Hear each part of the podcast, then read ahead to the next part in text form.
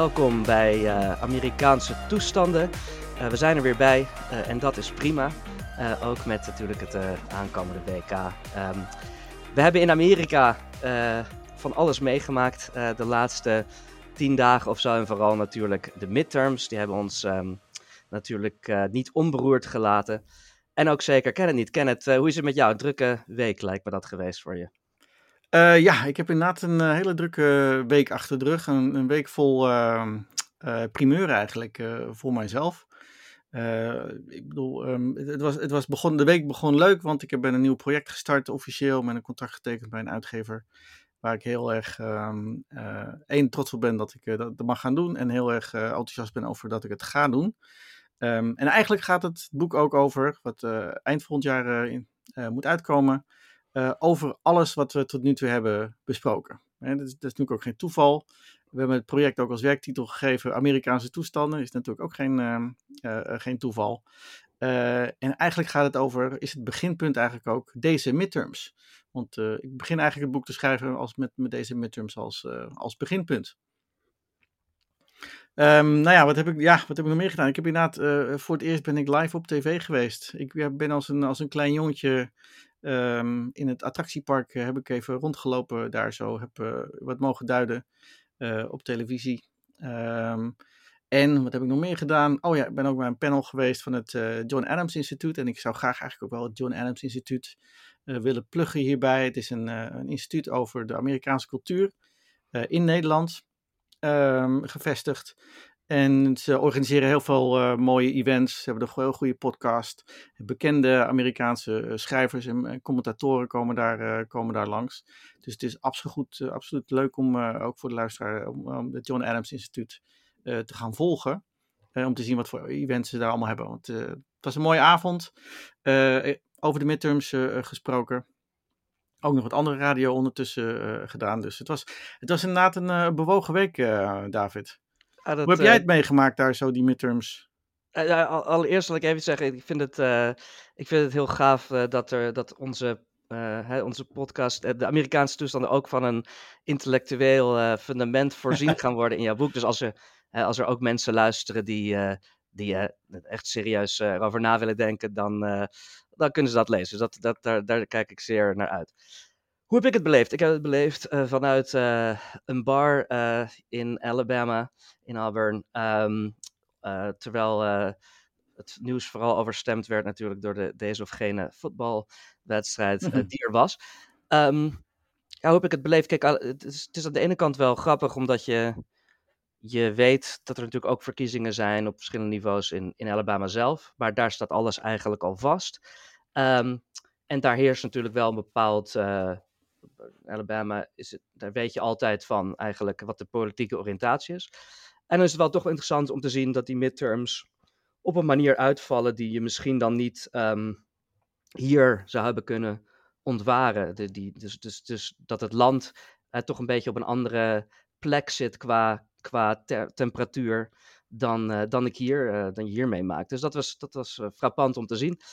Maar vertel eens wat meer, want um, we hebben dus eigenlijk gezien hè, dat, dat de Democraten het relatief uh, tot wat je van een midterm kan verwachten, eigenlijk uh, veel sterker hebben gedaan dan mensen wel dachten. Um, ja, ja, zeker. Um, de, de historische trends waren natuurlijk altijd dat de, de, de, de zittende partij in het Witte Huis de, de midterms gaat verliezen. Maar nu waren er natuurlijk al tekenen aan de wand dat de Democraten het beter zouden gaan doen. En de vraag was gewoon van hoe, hoe goed gaan ze het doen. Um, als ze de, het huis en of de senaat zouden behouden, of de meerderheid daar zouden behouden, dan zou dat een enorme overwinning zijn. Maar als het verlies heel erg beperkt zou worden, zou het ook een, uh, een morele overwinning in ieder geval uh, zijn. Nou ja, we hebben een beetje een middenweg bewandeld natuurlijk. Uh, het huis is volgens mij nog niet helemaal gekold. maar de verwachting is daar duidelijk dat de Republikeinen wel tot volgens mij tot maximaal vier zetels, uh, met, met, met, maximaal vier zetels de meerderheid gaan halen. Maar de Senaat is al beslist.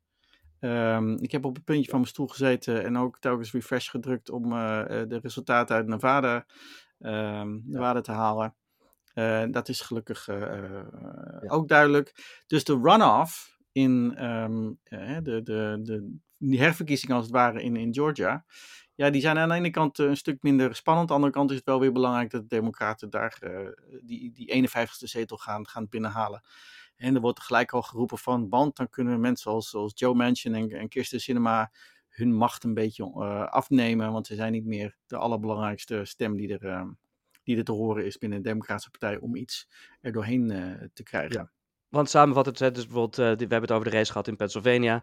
daar is Fetterman, Fetterman doorheen gekomen, Nevada dus. Succes voor de Democraten. En nu is er dus inderdaad een runoff voor de Senaat in Georgia. Um, dus om je daar nog even wat meer over te vragen hoe je dat zelf ziet. Um, Georgia, de resultaten waren dus dat um, voor gouverneur Stacey Abrams um, vrij flink heeft verloren van, van Brian Kemp, de, de, de, ja. de Republikein. Maar dat dus in de Senaat, voor de Senaat het veel gelijker opging.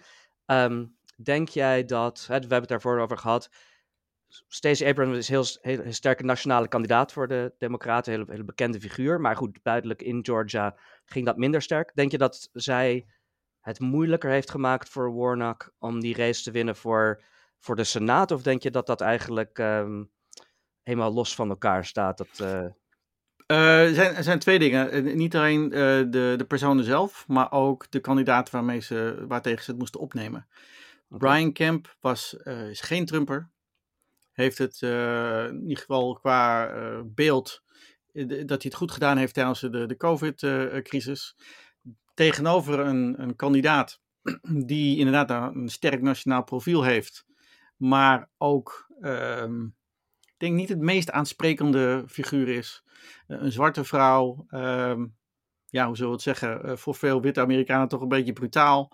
Uh, ja. in, in, perspectief. En die dus de, wel wat ja, uh, tegen de haren instrijkt, als het, uh, als het ware. dus is het dan makkelijker voor een onafhankelijke of een, of een gematigde republikein te zeggen van nou, ik ga gewoon Brian Kemp, veel meer establishment republikein, niet gesteund door Trump. Um, ja, heeft het goed gedaan. Nou ja, ligt maar wat je, wat je goed gedaan vindt. dus daar ga ik wel op, st op stemmen. Maar wat interessant is, ik las vandaag ook wel een analyse, of een, analyse. Ik zag een tweet van iemand uh, die zei van ja, um, heeft zeker een de, de veel beter de, de, de blanke of de, de witte mens, witte stemmer in het, op het platteland kunnen bereiken. Een zwarte kandidaat had dat nooit gekund. He, dus ik denk bijvoorbeeld ook dat de Stacey Abrams niet die mensen heeft kunnen bereiken die Fetterman wel heeft bereikt. Ja. nou, combinatie dan met dat hij Herschel Walker uh, tegenover zich had. Fetterman. Sorry, um, Pennsylvania. We hebben het natuurlijk over Pennsylvania. Um, maar ik, die analyse blijft denk ik wel gelden. Dat, dat voor Stacey Abrams um, bepaalde mensen niet heeft kunnen, niet heeft kunnen bereiken. Die ja. Fetterman in Pennsylvania wel heeft bereikt.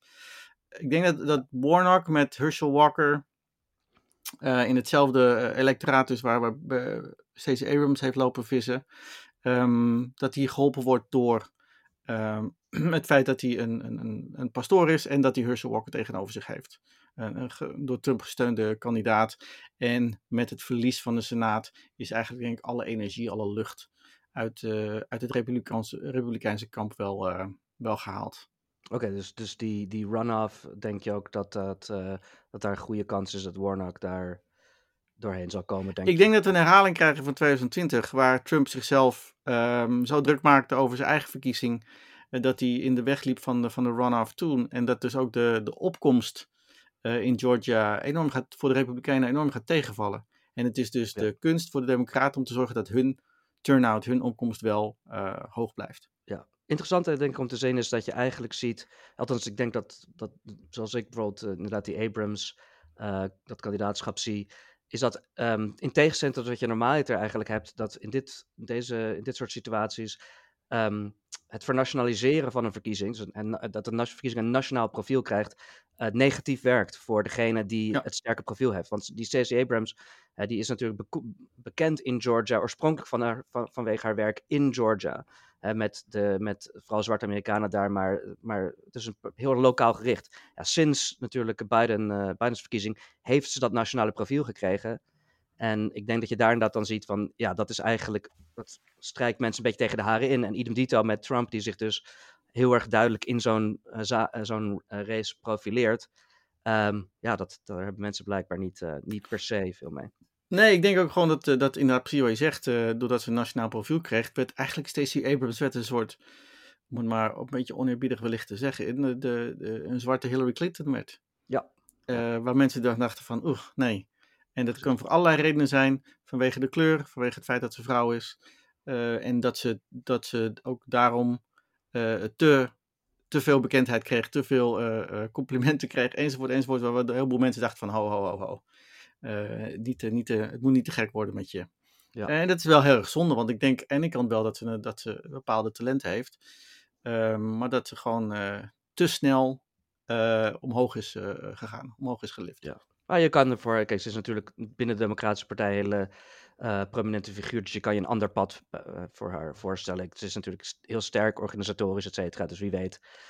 Komt ze nog in het kabinet echt in de volgende termijn of zo uh, Om eventjes uh, verder gaan op dat punt wat je noemde, vind ik wel interessant. Dat punt uh, wat COVID-beleid betreft.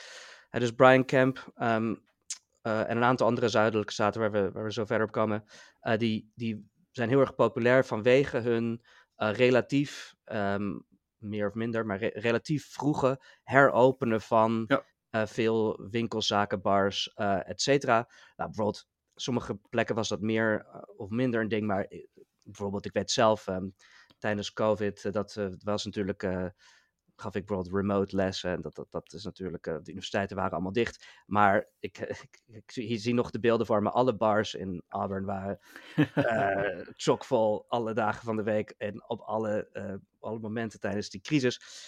Um, maar wat ja, dat, dat, is precies dus, hè, dus de, de, het beeld van ze hebben het goed gedaan is van omdat ze de boel heel snel hebben heropend en nooit ja. van die strikte maatregelen hebben genomen. Ja, ja dus laten we eventjes politiek kijken, want um, dus even, even, los van de substantie daarvan.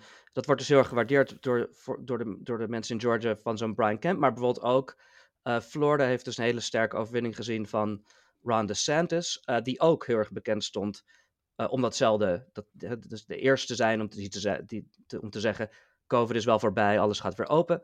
Um, hoe sterk zie je dat als een. Is dat voor jou een, een soort van onafhankelijke basis voor zo'n machtsbasis voor iemand als DeSantis, en los van Trump? Of hoe zie je, hoe zie je zo'n overwinning van DeSantis in Florida? Nou, de, de, de overwinning van DeSantis uh, vis-à-vis zijn uh, COVID-beleid is denk ik uh, een lokaal issue. Ik denk dat DeSantis met zijn verder, verdere behoorlijk Trumpiaanse beleid als je, eh, met, mij, met mij staat altijd bij dat het zijn overwinningsspeech, dat hij roept van we hebben Florida bevrijd van het wokeism. Zo, daar kwam het een beetje op, op neer. We hebben CRT uit de, scholen gehaald. de hele gender insanity doen we niet meer aan in, um, in Florida. dus dat is een hele duidelijke Trumpiaanse boodschap. nou, tezamen met wat hij lokaal allemaal zou hebben bereikt. Um, Heel veel doden, maar halla, de, bar, de bars waren open. Alles is open, dus dat was allemaal, was allemaal goed. Um, het is dus maar de vraag of als hij nationaal moet gaan uh, presteren, nationaal moet aanspreken bij de Republikeinse stemmer, in hoeverre hij zich onderscheidt van, van een Trump. Ja. Um, we hebben gelijk, na, nadat duidelijk was dat DeSantis flink had gewonnen, ik geloof dat het zelfs met 19 of 20 punten was, Um, wat werd hij al op het schild gehezen door uh, nou, de New York Post uh, enzovoort. Um, en ja, is Trump nu uh, in zijn wiek geschoten? Um, ik, heb, ik heb zijn speech bekeken, wellicht dat we zo meteen daar nog over gaan spreken. Maar we gaan duidelijk een poging, denk ik, zien voor, van Ron DeSantis om nationaal te gaan aanspreken. Het probleem is wel dat alle, volgens mij, dat alle kandidaten die hij wel in de afgelopen campagne heeft gesteund, allemaal verloren hebben. Want het waren, die, hebben allemaal verloren. Volgens mij wel, ja. Oké.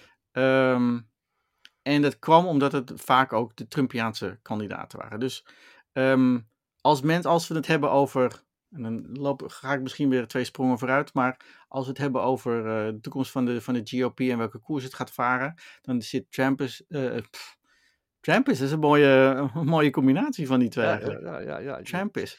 Zegt eigenlijk al heel veel. Tramp is. Ik zou Nou ja, democratische messaging, eh zou die term wel... eh, gratis, hebben gratis vergeven bij deze. Ja, ja, ja. Eh, maar dat DeSantis eh eh, heel duidelijk in het, in het Trumpiaanse kamp zit. In het Trumpisme eh, kamp zit. Ja.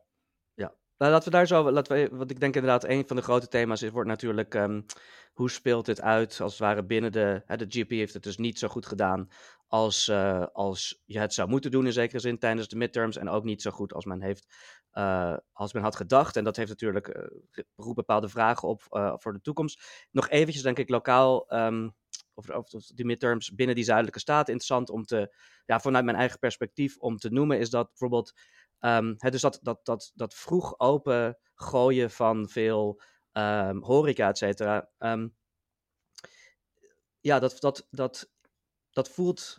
Je, je kan je hier wel aanvoelen waarom mensen dat, waarom dat zo populair is. In de zin dat in dit soort staten. Kijk, in Nederland is gewoon.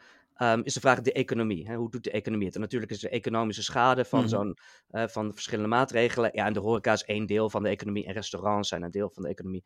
Ehm, maar hier heb je, en zeker ook Florida, ja, dat, dat, dat naar bars gaan, hè, dat, dat als het ware eh, het entertainment, het deel van Mhm. het leven dat entertainment is, eh, dat is zo centraal eh, in hoe men zichzelf ook identificeert als een soort hè, onafhankelijkheid, een bepaalde soort losbandigheid. Mhm. Dat als je die dingen sluit, en ook zeker omdat het small business owners zijn, als je dingen, dingen sluit, is het niet zozeer voor hen de vraag van, ja, is het op macroniveau niet economisch schadelijk in zulke abstracte termen, maar gewoon mijn win ik mag mijn zaak niet uitbaten, ik mag niet naar de bar. Ehm, en in die staten eh, voelt dat veel onmiddellijker, denk ik, dan je in Nederland, ehm, dan ik in Nederland voelde, in ieder geval toen ik er, toen ik er was tijdens COVID, als iets wat, eh, ja, wat, een, wat onnatuurlijk aanvoelt of iets dergelijks. Dus kan je wel, als je Florida kent, dan kan je wel voorstellen dat zoiets populair is. Ehm, nog even over Florida zelf, eh, voordat we naar Trump gaan. Florida was natuurlijk, dat weet iedereen, is, is, een, is een oorspronkelijk een, een toss-up state, een swing state. Ehm, Bush v. Gore kennen we allemaal. Ja. Maar het schijnt nu dus, en dat is wel interessant, dus het, zelfs in deze verkiezing, waar de Republikeinen het dus relatief niet zo sterk deden, eh, was Florida eh, vuurrood. Ehm, Florida wordt Ja. steeds roder. En bijvoorbeeld, met, met- dat was nu heel markant, Miami-Dade, ehm, het district wat normaliter het meest eh, democratische district is, was nu ook republikeins. Hoe zie je, is dat een DeSantis-effect? Of is het, zie, zie je dat als een, echt een gewoon ontwikkeling van Florida als staat? Heeft ik denk dat ik, ja, er zitten, er zitten een aantal, aantal eh, factoren in. En, en ik, ik neem aan dat jij dat, dat wel kan aanvullen ook. Ehm, is dat er, ik heb begrepen, want ik heb het niet zo in detail eh, gevolgd hoe het in Florida is gelopen met de gerrymandering. Eh, ik heb begrepen dat er beho- dermate veel is gegerrymanderd in eh, Florida dat dit bijna onvermijdelijk was. Alleen je zag natuurlijk al voor de gerrymandering van de afgelopen periode dat Florida steeds roder werd. En de vraag is waarom? En ik gok dat de, de, de GOP gaat claimen van dat komt onder andere doordat de Latino vote steeds meer richting de Republikeinen gaan. Steeds meer Hispanics die in, eh, toch in grote getalen in, eh, zeker in Zuid-Florida natuurlijk wonen, eh, Republikeins eh, stemmen. Ideologisch, economisch, eh, om- die redenen telkens meer eh, richting de GOP eh, trekken. Er zijn ook misschien ook wel wat eh, conservatiever hier en daar vanwege geloof. Dat zou ook nog kunnen. Ehm, maar misschien heb jij daar iets meer zicht op. Heb je de, de factoren die ik noem, komen die jou bekend voor? Die, die, ja, die komen mij wel bekend voor. Eh, ik denk dat er iets te zeggen is, daar zullen we het zo meteen over hebben, over dus de ontwikkelingen binnen de GOP en, en eh, wat voor, ehm, of men nationaal, ehm, het verschil tussen de vraag of men nationaal sterker wordt of, of, of dat men op bepaalde lokale plekken sterker wordt. Ik denk dat je dat in Florida ziet. Ik denk wel, en dat is, in ieder geval, dat is natuurlijk inderdaad een thema wat door de Republikeinen vaak eh, wordt genoemd. En eh, de, dat, dat moeten de data, de statistiek, eh moeten we uitwijzen hoe, hoe, hoe, in hoeverre dit klopt. Maar in Paul Verhagen. Ja, precies. Ja. Die, die mag in een tweet reageren of iets dergelijks. Maar ehm, wat wel zo is, denk ik in het algemeen, is dat je als je dus kijkt naar ehm, diversiteitspolitiek of die retoriek hè, over, over ehm, nou, eh, racial injustice, et cetera, et cetera, dan wordt daar denk ik te makkelijk vaak over gepraat alsof die verschillende minderheden in Amerika iets met elkaar te maken hebben, of dat ze zo voelen, of Mhm. dat ze allemaal in hetzelfde schuitje zitten. Terwijl bijvoorbeeld, maar dat is, dat is natuurlijk al heel oud, ook in Californië, hè, de, de verhoudingen tussen de, tussen de, Afrika, tu- tu- tussen de African American eh, gemeenschap en Latino's zijn, zijn zeker niet eenduidig. En dus, het, dus hè, bijvoorbeeld mis, nou ja, de, de GOP probeerde van misdaad een heel groot issue te maken. Dat is duidelijk op landelijk niveau niet gelukt. Maar bijvoorbeeld eh, zoiets, hè, dus dat bijvoorbeeld ehm, eh, die van de police, als je, in zoverre als je daarmee, eh, als je daarmee vereenzelvigd wordt als democratische partij, eh, dan, dan denk ik dat dat onder bepaalde Latino-stemmers ehm, niet populair is. Ja, wel eens. Ja. Dus Ja. zulke, zulke thema's zijn er. Maar ik vind het ook wel interessant, we zullen het zo over hebben, dus in welke mate gewoon ehm, ja, de GOP zich in Florida ontwikkelt op een manier die meer, die als het ware consolideert binnen die staat, hoewel het op het nationaal niveau Mhm. ehm, misschien wat minder sterk wordt. Ja, interessant is natuurlijk dat eh, in, wat was het, eh, 2012, dat eh, de, die GOP-autopsie was. Ehm, met Reince Priebus, die later nog eh, Trumps eh, ehm, chief of staff eh, werd. Waarbij ze zeiden van we moeten meer eh, ehm, inroads maken, we moeten ons meer eh, aan, moeten aantrekkelijker worden voor eh, Latino vote, eh, Latino eh, stemmers. En dat is toen eigenlijk aan de kant geschoven. Alleen ze hadden wel, dus blijkbaar, eh, het tij mee. Ze hadden het wel goed gezien, maar het heeft zich min of meer organisch ontwikkeld. ehm, door demografische veranderingen, doordat eh, Latino's eh, eh, welvarender werd. En inderdaad ehm, zich eigenlijk misschien ook wel een beetje afzetten tegen eh, de, de, de zwarte minderheid in, eh, in Amerika. Dat Ja. heel zegt van ja, waar, inderdaad, de minderheden zijn, zijn anders. Eh, Latino-gemeenschap is eh, vaak ook veel religieuzer. Hè, dus die Ja. zullen op basis daarvan al, eh, wat ik al eerder zei, sneller naar de, naar de GOP eh, eh, trekken. Ehm, dus ja, die ontwikkeling is er gaande. En het is het belangrijkste boodschap aan de Democraten is, denk ik, dat ze de Latino vote en zelfs ook de, de, de, de Black vote niet vanzelfsprekend meer kunnen toe-eigenen. Dat is denk ik wel heel een, een groot waarschuwingssignaal ehm, eh, voor, voor de Democraten. En interessant genoeg, in de, in de Trump speech, ik heb de hele Trump speech eh, teruggekeken. Dat, dat soort opofferingen, dat, dat soort... Hè, dat ik heb soort, mij eh, zwaar opgeofferd. ja, dat, dat, dat, Ehm, die breng jij gewoon op en dat waardeer ik enorm. ik moest wel af en toe de aandacht erbij houden. eh, en als, je dat, als ik dat dan deed, dan vielen wel een paar dingen op. En een van die dingen waren, is dat hij heel duidelijk en heel onhandig natuurlijk, een beetje op zijn Trumps, eh, probeerde te appelleren aan de, aan de minderheidsstem. Zo van, we hebben het goed gedaan voor de blacks en de Latino's.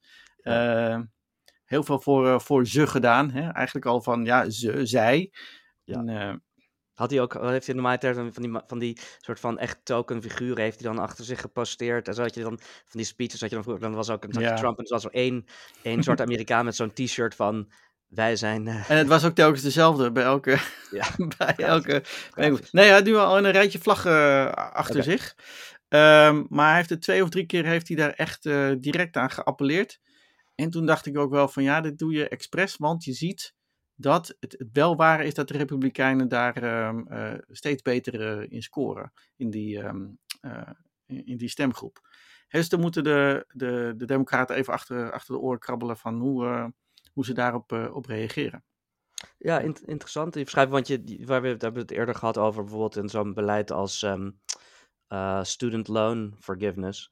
Nou, Mhm. wat dus eigenlijk natuurlijk een, een middenklasse hè, beleid is voor de soort van liberal, ja, ik wil niet zeggen de liberal elites, maar de, de wel opgeleide democraten. Ja. dat lijkt mij inderdaad een potent eh, issue, bijvoorbeeld inderdaad onder eh, non-college graduates in bijvoorbeeld inderdaad minderheidsgroeperingen. Dat als je als je Republikeinse partij gaat zeggen, kijk, ze zeggen dat ze het met jullie voor hebben, maar ze geven geld uit aan, eh, weet ik wat, hun, hun neefjes en nichtjes in Brooklyn, die daar architectuur aan het studeren zijn.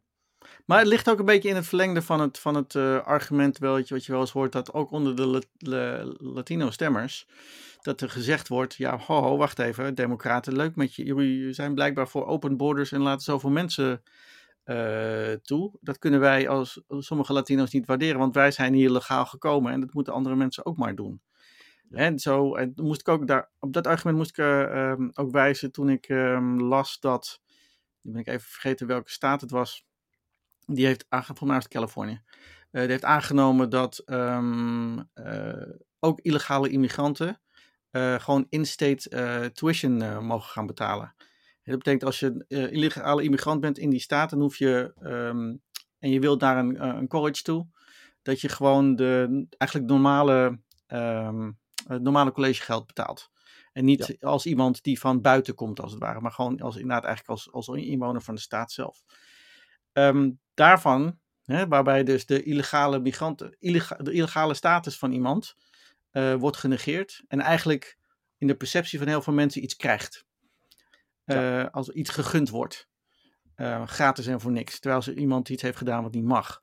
en ook dat, dat element, dat, dat, dat zal vrevel op, opwekken binnen, denk toch de wat conservatievere Latino-kiezer. Die uh, trots is op dat hij inmiddels Amerikaan is geworden. En, hè, want immigranten zijn altijd het meest patriotisch uh, dan anderen. dus dat, nogmaals, daar moeten, daar moeten democraten denk ik echt wel mee, mee gaan oppassen. Oké, interessant. Laten we het dan hebben over um, de toekomst als het ware van de GOP. Dus, dus de GOP heeft het niet zo sterk gedaan. nou, dat, dat roept dus dan vragen over uh, de toekomst van Trump op, um, of Trumpism. Maar Trump heeft zich nu dus kandidaat gesteld, dus we kunnen het ook letterlijk hebben over de toekomst uh, van Trump. Um, veel kandidaten die Trump steunden hebben het niet altijd even goed gedaan. Er wordt er gedacht, is Trump nu verzwakt hè, als kracht binnen uh, die Republikeinse partij, Republikeinse partij met een visie op 2024, um, ehm, de presidentsverkiezingen? Hoe, hoe zie jij dat? Um, als, als haakje daarvoor zou ik eigenlijk toch weer die Trump-speech willen nemen. Al is het alleen maar omdat ik mezelf had opgeofferd om dat te gaan kijken. Dan moet ik Als je gebruiken. hebt, hey. Dan moet ik het nu gebruiken ook. Ja. Um, uh, even visueel en, en, en qua audio. Je zag bij Trump, iedereen was aan het speculeren van, hij heeft hier helemaal geen zin in.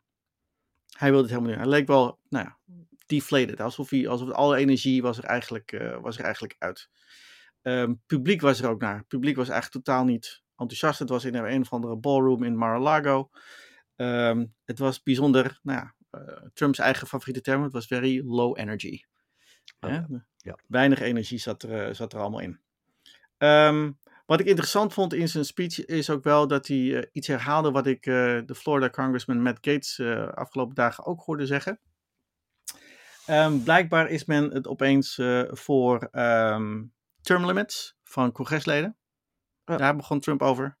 Um, hij begon dat taxpayer funding van verkiezingscampagnes moet worden afgeschaft. Um, maar ook bijvoorbeeld een, uh, een lifetime ban on lobbying voor ex-congresleden. dus dat congresleden die nou ja, niet meer verkozen zijn of met pensioen gaan, die mogen niet meer, zouden niet meer mogen gaan lobbyen. Um, en, oh interessant eigenlijk, en dat zijn veel al apart, zijn, zijn ook echt democratische punten eigenlijk. En de uitsmijter was nog wel dat hij het had over een, um, een verbod op het uh, handelen in aandelen door congresleden. Omdat ze eigenlijk gewoon insider information hebben. Dit, dit is eigenlijk Drain the Swamp 2.0. Ja, maar eigenlijk via, en dat heeft Matt Gates toen hij dat uh, bekend maakte, toen hij de persconferentie gaf, gaf het ook toe. Hij zegt van, ik verwacht democratische steun hiervoor. Nou, dat mhm. kan ook wel kloppen, want dat verbod op het handelen in aandelen door congresleden is een democratisch idee van de afgelopen twee jaar. Die hebben dat voorgesteld. Hè, dus um, je ziet eigenlijk, um, wat, ik wat ik interessant vond, is er is dus een bepaalde koerswijziging om ervoor te zorgen dat ze ook andere kiezers gaan aanspreken. Um, de, de, de, de, de angstcultuur in het, in het Trumpisme of um, de, het boos zijn op alles en iedereen binnen het Trumpisme is niet meer genoeg. En het lijkt erop alsof de Trumpers um, dat zich nu uh, beseffen. En net zoals, hen, uh, net zoals dat ze veel meer de minderheidsstem ook moeten gaan aanspreken. Dat vond ik uh, opvallend. En het geeft dus een beetje aan dat men beseft, um, we moeten meer andere kiezers gaan aanspreken. We hebben het ook senator Josh Hawley heeft gezegd van de Republikeinse Partij zoals we kennen, die kennen, die is dood. Zei hij. Um, we moeten andere mensen gaan aanspreken. Ja. Want we zijn gewoon een minderheidspartij in dit land. Dat zei hij gewoon. Um, dus de, de, waarheid, de waarheid komt nu ook bij de Republikeinen als het ware naar binnen. En ze hebben zoiets van: ja, shit, we moeten nu gaan uh, reageren. En de vraag is gewoon: wat is de rol van Trump hierin? Um, is DeSantis de nieuwe leider? Ehm, wat doen de establishment uh, Republicans? Wat doen de conservatieve Never Trumpers, die eigenlijk de Republikeinse Partij hebben verlaten? Dus die strijd, die burgeroorlog als het ware, die gaan we nu, uh, gaan we nu zien. Ja, ja goed. Het, het, is wel, het, is wel, nou, het is wel één ding wat, je, wat, wat interessant is. En nou ja, uh, het zou me niet uh, verbazen als die manoeuvre, uh, als die man manoeuvre weer lukt. hoewel het wel, je hoopt dat ook in zekere zin dat mensen dat doorzien. Kijk, dit, dit profiel uit de Trump was natuurlijk in zijn oorspronkelijke candidacy, was, was een van zijn, een van de dingen die hij vertegenwoordigde, was die soort van anti-establishment mm -hmm. Republikein. Hij, de, de, hij was, het, alle rhino's, die moesten eruit. Het was hij was helemaal niet van bijvoorbeeld die lower taxes, um, don't spend, ja, da. Um, maar wat er toen gebeurde is natuurlijk, dat, dat ik herinner me nog in, die, um, in die transition, op een gegeven moment dat hij dus het kabinet ging vormen, et cetera, dat je verwachtte dat is wat mensen ook speculeerden, dat je, weet je, ook zelfs op MSNBC, dat, je dan, dat mensen zich afvroegen, hey, misschien gaat Trump wel een heel groot infrastructuurproject doen. En misschien, mm -hmm. um, misschien wordt hij wel een soort van New Deal-achtige republikein. Maar daar kwam uiteindelijk helemaal niks van terecht. Uiteindelijk probeerde hij zich, um, um, in zeker die eerste jaren, binnen hè, die, de, de, gewone Republikeinse partij te voegen. En hij heeft natuurlijk ook heel weinig gedaan van een of ander niet-Republikeins programma. De, de mm -hmm. dingen die hij gedaan heeft, hij heeft niet zoveel gedaan, maar de dingen die hij gedaan heeft, waren juist heel conventioneel uh, ja. Republikeins. Ja, omdat dat om dan nu als het ware hetzelfde, hetzelfde spelletje proberen te spelen. En op, weet je, oh ja, nee, nee, wacht even. Ik ben toch die populistische republikein die, het, die, het, die ook, uh, ja, die soort van um, wat meer linkse economische plannen bijvoorbeeld. Of, of inderdaad dit soort uh, uh, ethische plannen voor, voor in, in de politiek wil omarmen. Ik zou er zelf niet heel veel vertrouwen in hebben als ik een kiezer was. Maar het is interessant dat hij dat weer, dat nou, hij dat weer gaat proberen. Het, het, het, um, je zag het in de speech uh, voelde je en hoorde je en zag je dat hij heel erg aan het zoeken was. Want hij had natuurlijk een teleprompter voor zich, waar hij aan het oplezen was. En er kwamen er uh, gedegen zinnen kwamen er, uh, kwamen eruit voort. Dan ging je natuurlijk weer adlib, de improvisatie. Um, en er komen de dingen uit als van, you're, you're angry. Oh, oké, okay, blijkbaar. Of van, dan begon hij weer alle grieven, alle grieven die hij had uit 2016, hè, 2020 kwamen voorbij en hij moest letterlijk nog even iedereen eraan herinneren van I am a victim. I am a victim. En dan begon ja. hij weer over de Russia Hoax Steel dossier. Um, um, ja. enzovoort. Maar tegelijkertijd dus ook dat soort plannen, wat ik, wat ik net noemde, uh, proberen te, te, te, te, te pakken eigenlijk waren als, als, als, deel van zijn, als deel van zijn campagne. En een, een, groot deel was ook van, ja, trust in our elections. Oké, toen dacht ik van, nou, we gaan weer klagen over fraude en zo. Nee, maar waar kwam hij mee? Hij probeerde concreet te zijn. Hij zegt van, we moeten duidelijke voter ID laws hebben. Uh, alleen nog maar paper ballots. Um, uh, dus alleen maar stemmen op papier. En alleen maar same day voting. Dus alleen maar op één dag mogen stemmen. Als je daar met Nederlandse bril naar kijkt, dan denk je van, de, uh, dit doen we al, doen we al jaren. Uh, wat is het probleem? Maar goed, we weten allemaal, dat is een probleem in, uh, in Amerika, omdat je daarmee uh, heel veel stemmen van minderheden onderdrukt, als het ware. dus hij, probeert allerlei zaken nu bij elkaar te rapen, die, op basis van zijn ervaringen, maar je voelt door de, in de improvisaties, daar komt de oude Trump gewoon weer naar boven met al zijn grieven en het gaat allemaal om hem. Um, en hij probeert eigenlijk zijn deel van zijn achterban uh, ervan te, eraan te herinneren van, ja, je bent boos hè, je bent boos op dat establishment. En dat, het, dat heel veel uh, mensen die inmiddels van Trump zijn, zijn afgedreven denken van, oh ja, oh ja, misschien, oh ja, ik was boos, dat waar ook. Ja. Ik, ik speculeer natuurlijk over wat de Trump-stemmer uh, allemaal doet, maar zo kwam het, het kwam vrij desperaat zo kwam het over. Ja, kijk, over. dat is natuurlijk nooit, um, dat is ook een, een van de dingen die natuurlijk oorspronkelijk enigszins, dat dat zijn, um, uh, zijn appeal um, uh, verklaarde. Het is natuurlijk heb zo'n een devies bijvoorbeeld, wat je natuurlijk altijd kent als spreker van show, don't tell. Hè? Dus um, als er een thema is als boosheid, dan moet, um, moet je dat uitdrukken of opwekken. Ja. Of, maar je moet niet zeggen, hè, jij bent boos. Maar goed, hij luistert nooit naar dat soort regels. En dat vinden dan mensen juist natuurlijk frappant. Ja. Um, maar ik vind, vind het wel een interessant thema. Ik denk dat het, een, dat het goed is om daarover te hebben. Dat, de, dat de Republikeinse Partij en Trump daarbinnen in zekere zin uh, dit resultaat denk ik op een, op een soort tweesprong uh, staat. Ja. er wordt vaak gezegd, en dat heb je ook in veel analyses langs zien komen, nou, de Republikeinse Partij heeft het niet zo goed gedaan, dus zal Trump wel verzwakt zijn binnen die Republikeinse Partij. En dan wordt er gespeculeerd, of dat nou überhaupt plausibel is niet. Uh, DeSantis zal dan, is dan een soort van meer, um, iets meer redelijke Trump-achtige kandidaat die wat meer national appeal zal hebben um, ten opzichte van een verzwakte Trump. Nou goed, dat is één scenario, dat kan natuurlijk. Maar ik denk dat het wel interessant is om um, ons te beseffen dat het, um, uh, dat dat niet het enige scenario is. En het hangt er een beetje vanaf van, van hoe, we, hoe je dat Trump-fenomeen natuurlijk, uh, hoe je dat analyseert. Eén fenomeen is inderdaad een politieke partij of politieke beweging die probeert op landelijk niveau 51% van de stemmen te halen en, en, en echt eh, de macht uh, op, op macroniveau um, te hebben. Maar iets anders, wat ook heel vaak voorkomt, is een beweging die um, juist steeds, uh, steeds, steeds um, engere, steeds nauwere basis zoekt, die steeds verventer een bepaald idee aanhangt. Hè? Dus een beweging die probeert een bepaalde, bepaald puur geluid te laten horen, ook al mm kost dat dan hè, op macroniveau uh, stemmen. Nou, en als Trump, als je, als je Trumpisme zo ziet, dus dat, dat, dat Trump als het ware een steeds, die beweging vooral probeert een steeds puurder eigen platform te hebben, mm-hmm. uh, hoeft het helemaal niet zo te zijn dat het gebrek aan landelijk resultaat in deze verkiezingen daarmee uh, Trump verzwakt. Nou, dan, dan zie je bijvoorbeeld zoiets als een staat als Florida. Um, het kan natuurlijk zo zijn dat landelijk de, de GOP zwakker wordt. Of dat er, dat er plekken zijn in het land mm-hmm. waarin een vroeger, vroeger een, een GOP-kandidaat kon winnen en dat dat nu, nu dan niet zo is. Maar dat binnen bepaalde gebieden, of dat is nog steeds grote mm-hmm. gebieden in het land, juist die GOP steeds meer controle krijgt en steeds meer um, dominant wordt. Dus je zegt eigenlijk van er zullen bepaalde gebieden zijn waar dat Trumpisme um, fanatieker wordt. Maar betekent dat ook dat het in de, qua inhoud um, radicaler wordt?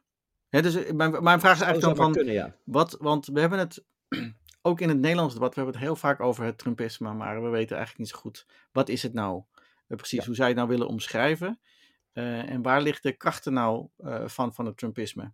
Nog ja. even voordat we gaan kijken naar het effect van dat het um, steeds feller wordt en steeds radicaler wordt in bepaalde gebieden. Ja, Um, hoe, hoe, zie jij dat Trump. Wat, wat, is volgens jou eigenlijk Trumpisme? Ja, uitstekend. Nou, goed, laten we daar dan laten we daar nou over hebben. Dus, dus heel eventjes terzijde over, over dat scenario. Ik, ik, ik heb dus niet echt. Ik weet zelf niet of ik duidelijk. Ik denk dat er een tweesprong is. En dat in zekere zin zelf die figuur Trump of de mensen om hen heen. Mm -hmm. in zoverre als die bestaan. Um, een bepaalde keuze ook daarin kunnen maken. Maar uh, ik zie Trump als een, als een nationalistische beweging. En ik zal er zo over, iets over meer over zeggen hoe dat zich, denk ik, in Amerikaanse de Amerikaanse setting ontwikkeld.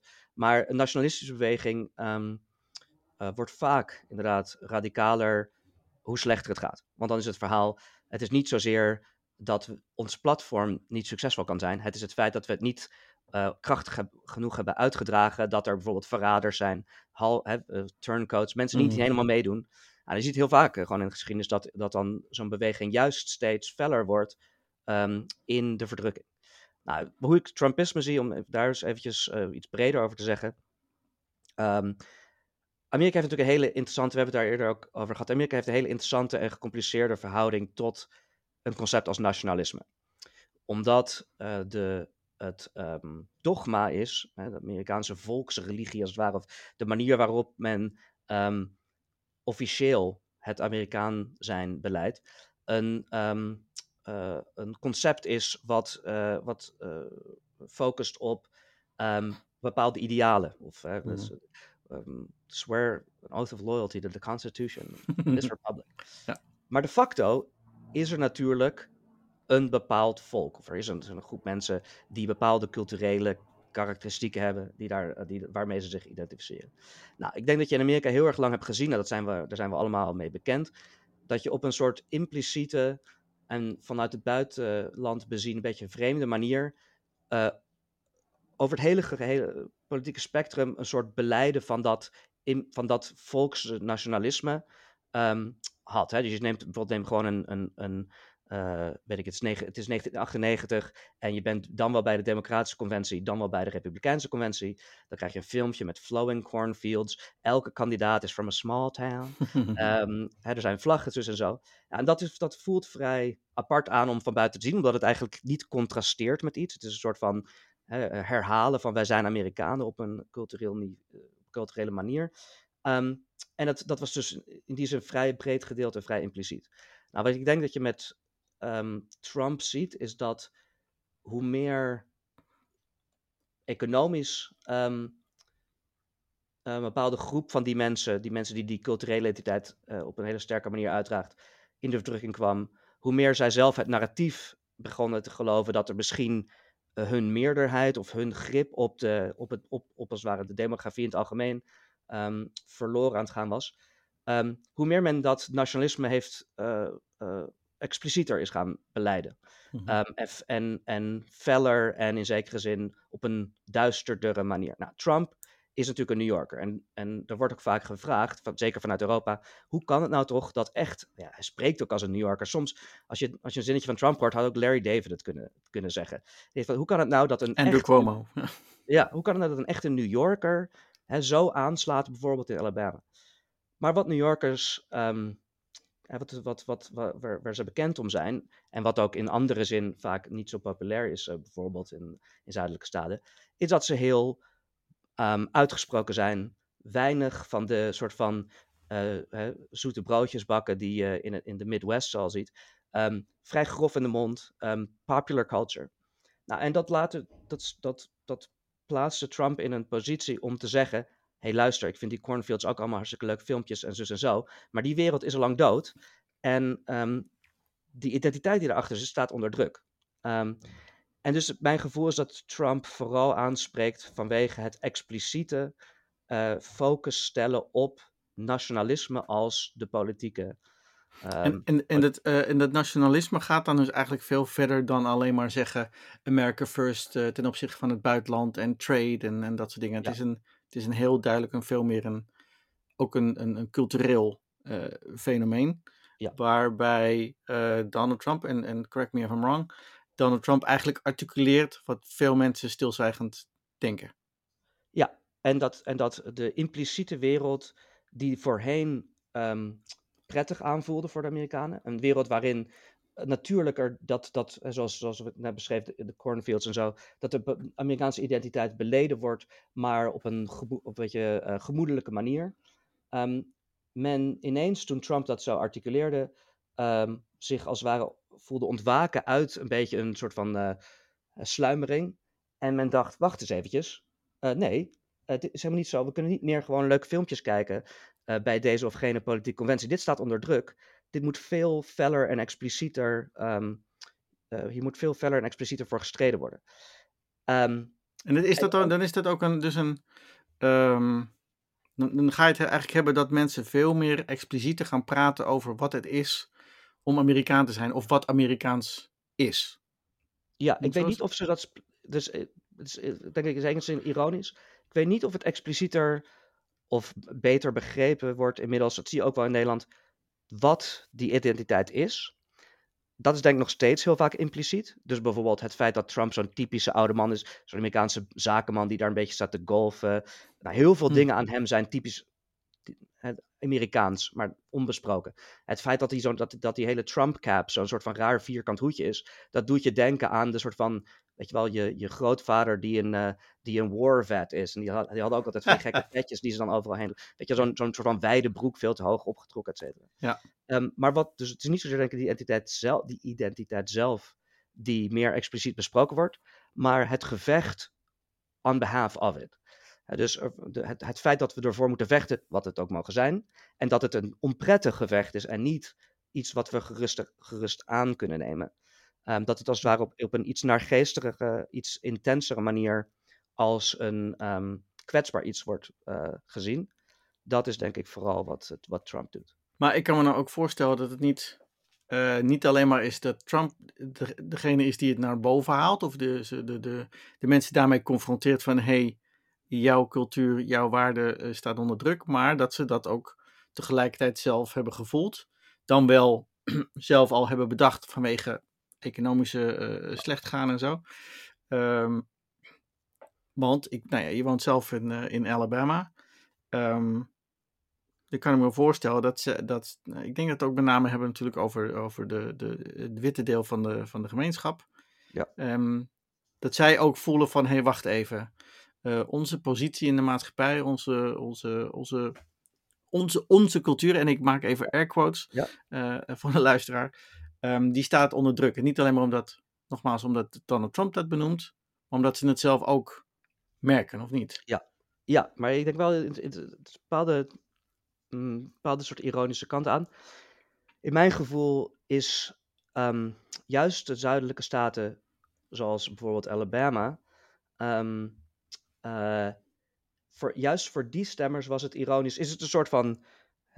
These are all their favorite tunes. Dit is wat ze altijd al gedacht hebben. Yay, yay, you know. Um, uh, laten we gewoon weer als het ware wat, uh, wat harder op de, op de, de, etnische vragen zijn, als het ware. maar Alabama zelf hebben niet zozeer die vraag waar Trump echt aan appelleert, denk ik, omdat dit soort zuidelijke staten enigszins in zichzelf gekeerd. Zij zijn al bekend met een fenomeen wat ik eerder beschreef, namelijk een beweging die politiek steeds um, enger, steeds nauwer wordt, maar binnen, die, uh, binnen de koepel die het heeft steeds uh, eenduidiger, steeds, um, steeds dominanter. Dus het zuiden is al eigenlijk gewoon bepaalde decennia lang, naar mijn gevoel, met zijn, in enigszins met de rug naar het land toegekeerd. Okay. en, en in Alabama is het niet zozeer de vraag van, staan er dingen onder druk? Want in Alabama staat helemaal niks onder druk. Daar, weet je wel, daar was, uh, hoe heet het ook weer, die Jefferson, die... Um, uh, die eerste senator die Trump understeunde, maar waar hij toen zo'n ruzie mee kreeg. Die Jeff Sessions. Jeff Sessions, ja. Um, weet je, die stuurde eindeloos Jeff, Sessions, Jeff Sessions to the, to the Congress. Um, en dat maakte verder niet uit. Kijk, het zijn, het zijn Ohio, Florida, um, Pennsylvania in zekere zin. Misschien zelfs rural New York. dat wordt vaak denk ik onderschat. waar men uh, vroeger, gewoon die vroeger dominant noordelijk en daarom democratisch waren, die ineens zoiets hebben van, wacht eens eventjes. Um, in onze staat ben ik misschien zometeen helemaal niet meer zozeer het schabloon um, van, van wat hier typisch is. Nou, en bijvoorbeeld economisch, dat is ook wel denk ik opvallend. Dat is natuurlijk een bekend verhaal inmiddels, maar um, ja, ik, ik heb veel tijd gespendeerd dus in Noordwest uh, Pennsylvania. Nou, Amerikaanse economie is natuurlijk wat dynamischer dan Europese. Het is wat meer Wild West. Maar dan zie je bijvoorbeeld echt lokale stadjes um, met een eigen hotel, een eigen, uh, een eigen um, theme park en zo. In, in zo'n stadje heet bijvoorbeeld Conneaut Lake. Dat was dan in de jaren 60, 70 een, lokale, een lokaal toeristisch plaatsje aan een of andere, aan, aan een meer of iets Ja, daar is dus helemaal niemand meer. Dat is dus gewoon hmm. een heroïneplaag. Um, en dat, dat, de economie faciliteert dat gewoon niet meer. Mensen vliegen uh, en mensen werken in Californië, maar mensen gaan niet naar Conneaut Lake. Nou, die, die mensen die daar wonen, kan je dus wel voorstellen, die zoiets hebben van, die cornfields zijn superleuk, maar um, misschien moeten we eventjes iets explicieter een agendapunt stellen. Dat ja. mijn manier van zijn nog steeds als het ware uh, uh, de, de, dominantie heeft die, die, die, waar, die ik verwacht. Het beeld wat ik een klein beetje krijg uh, van jou is dat we het hebben over gemeenschappen die inderdaad in zichzelf gekeerd waren, een bepaalde dominante cultuur hadden en die eigenlijk ook um, door invloeden van buiten opeens zoiets hadden van hé, hey, wacht even Um, wat gebeurt hier met onze, met onze mooie gemeenschap en onze, onze culturele identiteit met alle uh, vooroordelen uh, van dien? Um, en hier komt iemand als een Trump die dat verder voedt, dat, dat, dat, dat gevoel van ongemak, ongemak verder, ja, verder en, voedt. En die in zijn, in zijn grove in zijn grove manier van zijn, A, dus ik denk dat dat punt gewoon op een, op een manier die misschien zelfs veel mensen oorspronkelijk iets te ver ging, uh, durft aan te stippen. Maar ook die, die in die zin vertegenwoordigt een ruwere realiteit waarin men, waarvan men bang is dat men hem die te lang genegeerd heeft. Mm. Want één, één ding wat ik altijd heel typisch vond is bijvoorbeeld um, hoe men omgaat met de entertainment-industrie uh, in dat opzicht. Mm. Dus Amerika, zeker die groepen mensen, dus die soort van um, uh, blanke bevolking van wat de staat als Pennsylvania bijvoorbeeld. Um, uh, ze staan bekend hè, om, omdat ze altijd vrij uh, uh, sceptisch staan ten opzichte van de grove cultuur die natuurlijk uit de verschillende grote steden komt. wie weet wat, wat, wat, hun, wat er allemaal in hun gemeenschap gebeurt, dat, daar willen ze ook liever niet over hebben. Maar in ieder geval die show, weet je, de films vinden ze te grof, et, et cetera, et cetera. Kardashians, dat vinden ze allemaal waar, waar weet je wel. Dus ze kijken liever de, de old-timey films, ehm, weet je wel, Bridge Too Far en wat dan ook. Maar uiteindelijk verandert die cultuur wel. Ja. En dat, dat loopt van ze weg. En dan komt er ineens iemand die in elk opzicht dit huidige moment, tijdsgevricht vertegenwoordigt. Ook Mhm. in zijn gekke verhoudingen met allerlei, eh, god weet wat voor ehm, actrices, et cetera. Trump vertegenwoordigt iemand die volledig wakker is eh, op het gebied van het nu cultureel. Mhm. Eh, en ik denk dat dat ook iets is wat, is, wat hen dus een bepaalde ehm, eh, vertrouwen. Hier is iemand die niet aan het slapen is op dit kernpunt van die nationale cultuur of die Ja. nationale eh, dominantie. Ja. Mag ik daar dan aan, aan toevoegen? Hè? Het gaat ook over eh, ehm, de manier waarop Trump zich presenteert, het taalgebruik. Ehm, eh, wat ik heel erg. Heel veel mensen vinden het ook allemaal te gek. De, de, de Trump-base vinden het allemaal te gek. De manier waarop hij zich uitlaat, omdat het ook een bepaalde manier. eh, het is ventileren van agressie is. Hè? De, de, de manier waarop je, waarop je praat en de manier. Het, het kunnen zeggen wat je denkt. hè, Het eindelijk kunnen zeggen wat je denkt. Maar goed, eh, je wil nu pas zeggen eh, wat je eigenlijk denkt, omdat het allemaal onder druk komt te staan. Dus nu pas heb je die behoefte. En dan komt Trump die als het ware het legitimeert, want hij doet het ook. Hij schopt ook tegen alles en iedereen aan. Hè? Dus dat eh, verruwing van het discours. Nou ja, verruwing is het eigenlijk nog bijna mild gezegd. En dat komt natuurlijk ook eh, in die combinatie van dat Trump het verkeerde voorbeeld geeft. En ik, ik, ik benoem het als het verkeerde voorbeeld, want ik denk dat het het, het hele discours natuurlijk, het publieke discours, geen, geen goed doet.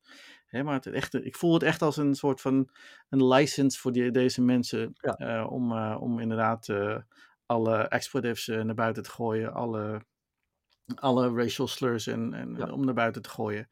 Ehm, Ja, en, en, en, en het, dus het A, denk ik dat het, het, het gevoel dat men dus, eh, die onzekerheid over die eigen positie, ehm, daar de reactie erop, eh, het voelt als een veilige reactie om een bepaalde agressie daarop ehm, Mhm. te hebben, want dat, dan verdedig je dingen. Dus A, dat taalgebruik voedt dat. Mhm. Maar ook denk ik dus inderdaad een bepaalde, ehm, eh, een bepaalde reactie op het gevoel, dat, of, of de vrees die men heeft dat men het huidige tijdsmoment of de manier waarop het verschoven is, heeft onderschat.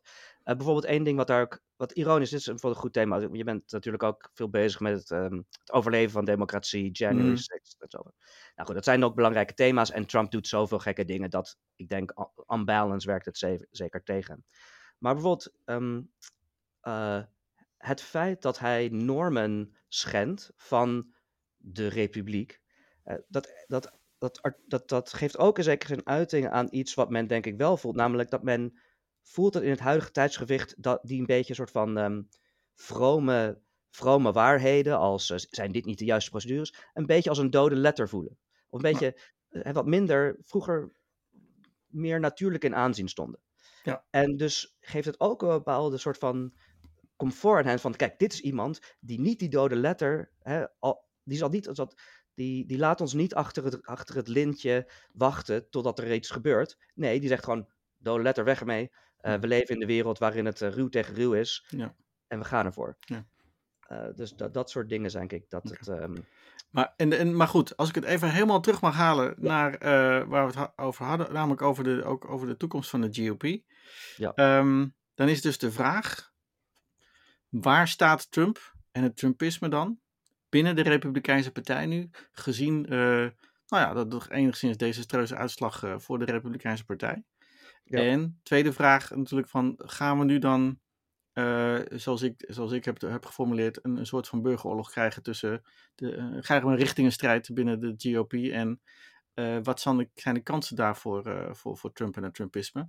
Eh, en daar pak ik, da- bij Trumpisme pak ik even, zoals ik eerder zei, ook eh, even Ron DeSantis bij. Ja, ja. Want zowel Ron DeSantis als Trump nu laatst in zijn speech begonnen weer over CRT, hè, Critical Race Theory. Ja. Begonnen over echt letterlijk de gender, gender insanity, the rights of parents, family as a, the center of American life eh, en dat soort zaken.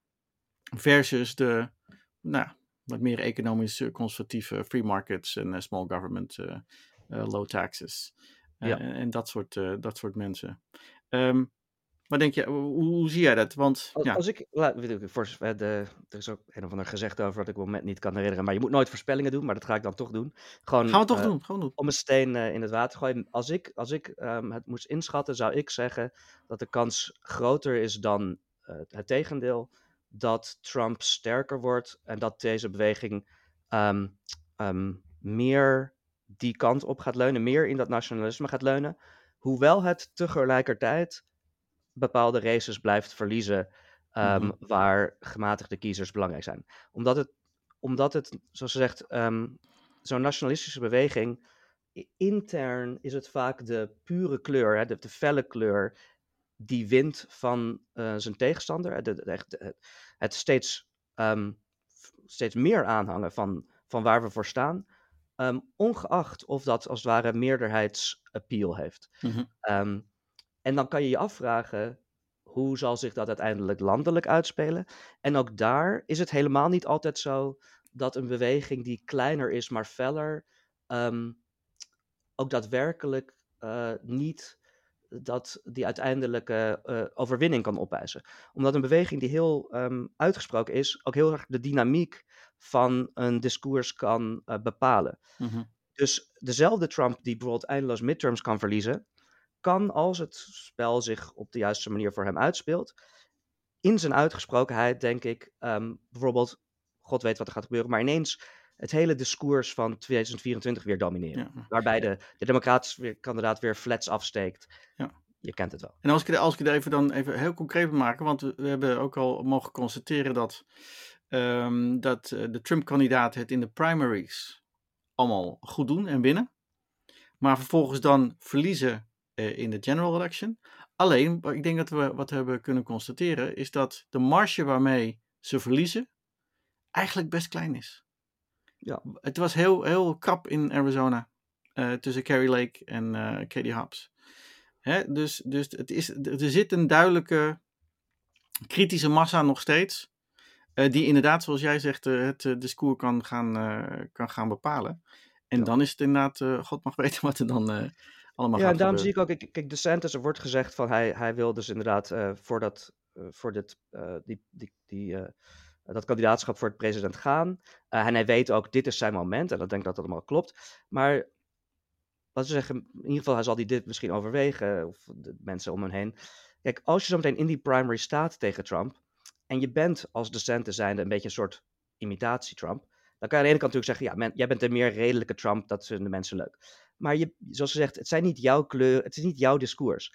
Denk je dan echt dat je kan winnen van the original, eh, hè, de, de, de, het, de oorspronkelijke cola, als het ware? Mhm. Jij bent Pepsi en hier, je moet tegen Coca-Cola opnemen. Ik Dat denk ik dat dat moeilijk kan zijn, ook al doe je het best goed en ook al heb je best aardige poll numbers. Als je eenmaal in dat debat staat tegen, ehm, tegen de real McCoy. ehm, Nou, de- ik, ik, ja, ik, ik kijk toch iets anders tegen. Want ik denk dat DeSantis dus eigenlijk een full-bore eh, Trumpist is. mhm. Alleen dat hij dus gokt op het feit dat men wel het moe is van Trump, de figuur. Hè, wat, we, wat we eigenlijk al, wat we nu al, al twee jaar eigenlijk zeggen. Men is op zoek naar een Trump zonder het drama. En ik dat DeSantis dat dat vertegenwoordigt. En Ik ga puur eigenlijk af op zijn, op zijn overwinnings, overwinningsspeech. Die eigenlijk een, eh, een, een wat gepolijsterde kopie is van de speech die Trump eh, eh, gisteren heeft gehouden. Ehm, dus ik denk dat hij daar, daarop gokt. en probeert die mantel echt wel, wel, wel over te nemen van, van, Trump, van het Trumpisme. Ehm, nou ja, en wat je zegt, het, gaat het discours waarschijnlijk nog wel, nog wel bepalen. Ehm, dus dat moeten we maar gaan, eh, Ja. gaan zien. En En ik, heeft natuurlijk heeft Ja? wel een record op het gebied, omdat het als het ware Trump, Trumpism is zijn merk. Kijk, Ja. hij doet allerlei dingen die mensen inderdaad, die hem vrij onpopulair maken, of veel minder populair dan die zou kunnen zijn. Maar hij heeft natuurlijk wel een record met steeds mensen die probeerden onder die mantel te schuilen, er weer uit te knikkeren. Dus, ehm, eh, hoe heette die, eh, die New Jersey, eh, Chris Christie, Chris Christie. Ehm, Ted Cruz, Ja. nou, zo kan wel zo doorgaan. Dat waren eigenlijk allemaal mensen die oorspronkelijk ook dat populistische hè, Mhm. eh, stuk eh, terrein wilden eh, beheersen. Maar als Trump zich eenmaal tegen hen keert, dan is het ook een ballon die, als hij expliciet zegt: hey, ik heb niks met deze gozer, die, die spreekt niet voor mij. Ehm, Maar daar, dan- komt, daar komt dus bij dat, dat misschien dat, dat DeSantis kan zeggen van... hallo, ik heb een hele staat achter mij. Ik Ja. heb een, eh, als executive heb ik gepresteerd, heb ik dit allemaal voor elkaar kunnen krijgen. Dus dat hij minder, minder snel weg te blazen valt dan inderdaad een, een Ted Cruz die, alleen, die het als senator alleen moet hebben van, van wat hij zegt. En Ja. verder eigenlijk, want bereiken kan hij niks verder. Nee, Ja? nee, dus dat wordt lying interessant. Wat interessant is trouwens, want vlak voor de, voordat wij gingen opnemen las ik dat eh, Mitch McConnell gewoon gehaast weer verkozen is tot leider van de Republikeinen in de Senaat. Dus in die zin zal de anti-Trump-factie, denk ik, in de Senaat eh, wel, wel eh, de overhand eh, houden. Ja. Eh, dan krijg je toch die strijd tussen de meer establishment eh, eh, Republikeinen en, en de Trumpists. Huis van Afgevaardigden moeten we nog even afwachten wat, wat daar gebeurt qua, qua leiderschap. Ja. Ehm, De- Ja. Laatste, misschien op, op dit laatste punt. ehm Eén ding wat ik wat misschien ik nog niet, niet echt besproken heb zien worden, is: het kan ook een voordeel zijn voor Trump en voor de Republikeinen dat men niet de meerderheid heeft, dan wel niet zo'n sterke meerderheid. In de zin van als men wel een sterke meerderheid had gehad, parlementair, dus eh, in, in de Senaten, dan moet men ook allerlei beleidspunten gaan formuleren. En dan krijg je dissens. Je zegt Trump bijvoorbeeld, nou, laten we zeggen Biden doet iets. Dan gaat Trump natuurlijk de hele tijd zeggen, hadden ze moeten blokkeren, hadden ze moeten blokkeren. En als het er niet is, dan verzint hij het wel. Als ze dat niet kunnen doen en ze blijven in zekere zin de minderheid, dan ehm, kan dat ook wel bepaalde soort van breuken tussen die facties verhullen. Ja. Want ja, je kan toch niet zoveel doen, dus dan blijf je gewoon zeggen dat Biden het slecht doet. En dan ehm, hoef je dat interne debat niet zo te hebben. Dus dat, ik weet niet of dat zo onhandig voor ze is. Maar de dynamiek zal dan worden dat ze in het Huis van Afgevaardigden gaan zeggen van... Oké, en nu gaan we de... Of de nieuwe leider gaat zeggen... En nu gaan we eh, eh, de onderzoeken openen naar Hunter Biden. En dat er vervolgens tien republikeinen zeggen van... Moi, daar heb ik eigenlijk niet zoveel zin in. En dan gaat hij niet door. Dat geeft eigenlijk dan weer een soort macht aan Trump. Heeft een punt aan Trump om te zeggen van... Oh, jullie doen het niet en you, you, you guys suck. En zie je wel, jullie hadden meer Trumpist moeten, moeten kiezen enzovoort. Maar het probleem was des te groter geweest als ze. Want ik denk dat ze dat soort resoluties wel vaak door het huis krijgen. Maar als je dan ook bezit van de Senaat had gehad, dan zou de Senaat eh, ook in die lijn moeten volgen. Die zou dat dan niet doen. En dan zou Trump zeggen: Oh, kijk, het huis heeft, daar zitten mijn mensen, maar McConnell die luistert er niet. Als je het niet kan doen in de Senaat, Maar daar komt dan bij moeten optekenen dat ehm, het Huis van Afgevaardigden gewoon op zichzelf eigen onderzoeken kan starten. En, Ja. en als ze dat, hè, zonder dat de Senaat daar überhaupt bij betrokken is, dus als ze dat zelfs niet voor elkaar krijgen, dan is dat het voedt dan denk ik wel eh, Trump. Dus paradoxaal genoeg, of ironisch genoeg, zou je zeggen van eigenlijk moet de, moeten de, als je, als je geen Trumper bent, en nou ja, dat zal wel duidelijk zijn, ik ben geen Trumper. Ehm, als je geen Trumper bent, dan wil je eigenlijk dat, dat, dat de Republikeinen in het Huis van Afgevaardigden wel iets gedaan krijgen, zodat Ja. ze de wind uit de zeilen van, van Trump eh, kunnen halen. Ja, en ze doen vaak natuurlijk hele domme dingen. Dat ze zichzelf, eh, dus, bijvoorbeeld die, die hele Benghazi, je herinnert het je nog wel, Ja. dat was hun hele plan, maar dat, dat, dat eh, werkte electoraal alleen maar eh, Nee. tegen hen. Dus Nee. ehm, Ehm, we zijn al over het uur heen, eh, David. Ik Ah, wilde toch eh, nog, één- ondanks dat, wil ik toch één ding nog aanstippen. Ehm, en dat hebben we in ons voorgesprek eh, afgelopen maandag hebben we dat als internet rechts ehm, eh, eh, gememoreerd. Vond ik een hele mooie term van jou. En dat kwam naar aanleiding van ehm, uitspraken van Jesse Waters, eh, Fox News eh, host, eh, die uit een soort eh, wanhopige reactie op de, eh, op de eh, midterm-uitslagen en het feit dat zoveel vrouwen, met name eh, zoveel jonge vrouwen, eh, tegen Trump als het ware hebben gestemd, dat die zeiden van ehm, al die vrouwen die moeten eigenlijk gewoon ophouden, ze moeten gewoon gaan trouwen en dan eh, worden ze wel weer rechts en dan, dan, eh, zijn ze weer in het gelid en zullen ze gewoon ook weer eh, conservatief of rechts en Trump stemmen. Ja. Ehm, waarom noemden we dat eigenlijk internetrechts? Nou, ik denk dat het, ehm, eh, het interessant is om te volgen. We hebben het, we hebben het ook met alt-right enigszins over gehad. Ik denk dat het een, een vrij onafhankelijk fenomeen is ehm, van Trump als een politicus zelf, waar we het net over gehad hebben. Je ziet steeds het meer, eh, het verder vernormaliseren van voorheen Reddit, messageboard, ehm eh grapjastaal. Hè? Dus Mhm. ehm, Jesse Waters, eh, goed uitziende jongeman, Fox News, beetje vervelende kerel verder, maar ehm, die, die, die gaat dus, de, de strekking van, dus hij gaat dus tegen, hij heeft het over hè, de, de, de onafhankelijke single woman. Ehm, en het jargon wat hij daarmee eigenlijk, eh, wat hij, waar hij aan refereert, is het soort, een soort vage incel-achtige eh, trad wife, ehm, jargon Ehm, in de zogeheten manosfeer. Je kent het wel of je kent het niet. In ieder geval, dit gaat om internet message board mensen die ja, op een hele kolderieke manier, eigenlijk cartooneske manier, doen alsof ze de oude, hè, de oude uh, gendernormen weer, weer in stand willen hebben. Nou, wat is zo typisch aan dit fenomeen en waarom is het denk ik onafhankelijk van die andere dingen, hoewel het er natuurlijk mee snijdt door elkaar. dit is uh, wat in internettermen LARPing heet, um, live action roleplaying. Dit zijn geen um, echte punten. Dit is een nihilistisch quasi-grapje. Want bijvoorbeeld zo'n Jesse Waters, daar hebben we het over gehad, dat is zelf helemaal geen traditionele 1950 man. En heel weinig van deze figuren gaan daadwerkelijk terug naar mhm. een of andere hele traditionele vorm van zijn. het is veel meer uh, ja, het, het, het jezelf het, het lekker vinden om een bepaald absurdistisch uh, jargon te gebruiken. Mm dus uh, bijvoorbeeld zijn mensen ook in die groep die zeggen, weet ik veel, de kerk moet de macht hebben. Of gekke dingen die ze helemaal mhm. niet zelf denken. Ze zijn zelf ook helemaal niet gelovig vaak, et cetera, et cetera. Nou, en dat, dat zie je dus steeds meer. En ook zie je dat natuurlijk in Nederland, we hebben dat we hebben ook eerder aan, um, over gesproken. hopelijk, of dat wellicht heeft, heeft iedereen de uitspraken van iemand als Gideon van Meijeren gehoord. Die hele groep, dat hele groepje jonge kerels rond, uh, rond Baudet is voor mij echt een uitdrukking van dat fenomeen internetrechts. niet zozeer een echte politieke beweging, zelfs niet puur simpelweg een nationalistische beweging, maar een uitdrukking van een soort ja, nihilistische, um, Amerikaans gecentreerde internetcultuur.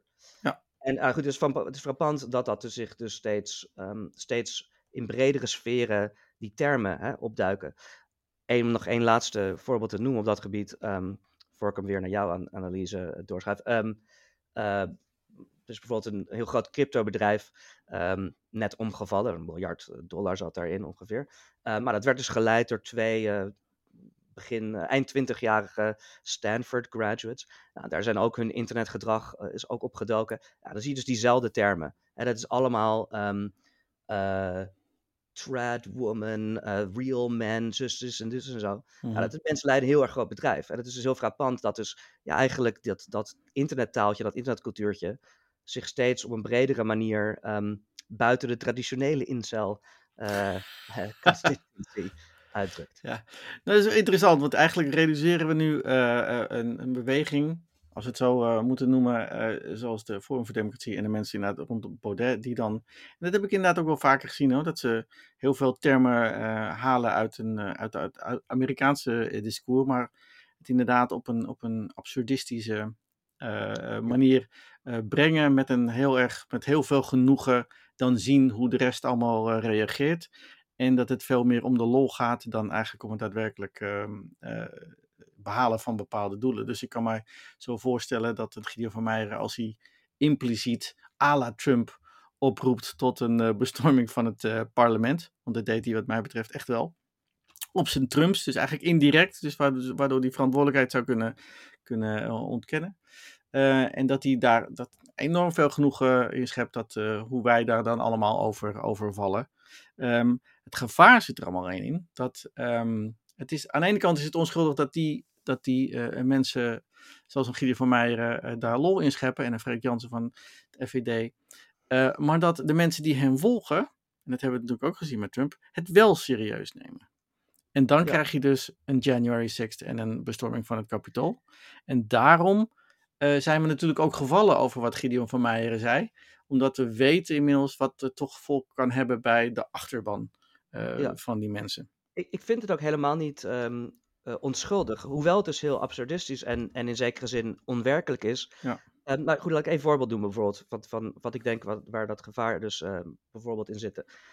Baudet zei onlangs ergens dat, hij, dat hij denkt dat de wereld bestuurd wordt door reptielen. En er werd vervolgens dan gezegd dat is een metafoor, bla bla bla. Nou, waar refereert hij daaraan? Dat is een internet meme cultuur die um, dus in, ja, op internet rechts in Amerika uh, populair is. Die dus zegt, ja, de politici, Hillary Clinton, bla bla, dat zijn eigenlijk re reptielen. Letterlijk. Dus het zijn Mhm, mhm. reptielen die zich als mensen vermommen. Nou, wat is dat? Wat zit daarachter? Wat is dat? Wat hebben, waar hebben we daarmee te maken? Het is ook een heel absurd, absurd idee. Ehm, en ze geloven, hoewel ik dat van Baudet misschien zelf niet zozeer weet, maar de meeste mensen die dat zeggen, geloven dat niet echt. Maar het is een extreme daad van ehm, geweld en, en nihilisme ten opzichte van normale politiek. Ja. En dat heeft ook iets te maken met waar je het over de dode letter van de normen. Ehm, juist je zo expliciet en soort van te volharden in zoiets absurds en nihilistisch, is je complete ehm, irrelevantie proberen aan te tonen van de conventionele normen. Ja. En dus het is in die zin juist heel gevaarlijk. Om, Ja. Het is heel gewelddadig. Niet omdat het, dat ze daadwerkelijk dit soort dingen denken, dat slaat ook helemaal nergens op, maar omdat ze dus aangeven, het doet er helemaal niet toe om echt dingen te denken of echt dingen te zeggen. Ja. Laten we het gewoon allemaal kapot maken. Nou ja, dat zeiden ze precies van Trump ook. Eigenlijk van het gewoon, eh, Trump gaat het om eh, burn the house down. En ehm, eh, dat heel veel van zijn aanhangers hadden dat. Dus eigenlijk, om het dan maar helemaal het plaatje rond te maken, we zien duidelijk gewoon Amerikaanse toestanden in Nederland. Precies. En daarom moet je natuurlijk luisteren. En daarom moet je luisteren naar eh, deze podcast. Eh, David, eh, ik denk dat we een, een enorm eh, ehm, goed inzicht nu hebben gekregen in, ehm, in het Trumpisme. We hebben duidelijk aangegeven van waarom eigenlijk nu al die mensen opeens zo expliciet, ehm, eh, eigenlijk ja, laat ik het maar heel stom, stomzinnig zeggen, van die nare dingen zeggen. Ehm, Ja. We zijn teruggekomen, eigenlijk eh, aan het eind gekomen bij eh, dat het toch een gevaar voor de democratie allemaal is. Ehm, het thema eigenlijk, eh, in ieder geval voor mij eh, ehm, eh, deze dagen. En ik gok dat we daar volgende week nog weer verder in gaan. Ja, zeker. En ik laat dat we ook aangeven, we gaan niet, het- wij zijn niet, we zijn hier niet de lokale reptiele gelover, soort van lezers. Dus we gaan het zeker ook hebben over eh, wat er zoal speelt de Democratische Partij. Hè? Want die, daar moet ook gezegd worden, die hebben het natuurlijk bijzonder goed eh, gedaan. Ehm, Ja. eh, de laatste. Ik denk, zodra we gaan, zodra ehm, de hazen gaan lopen wat betreft de democratische presidentsverkiezingen, als we iets weten over Joe Biden of andere mogelijke kandidaten, dat we daar dan in gaan duiken. Top, top. Voor zover. Eh, dit was Amerikaanse toestanden. David, eh dankjewel weer en ik zie je de volgende keer weer. Tot snel.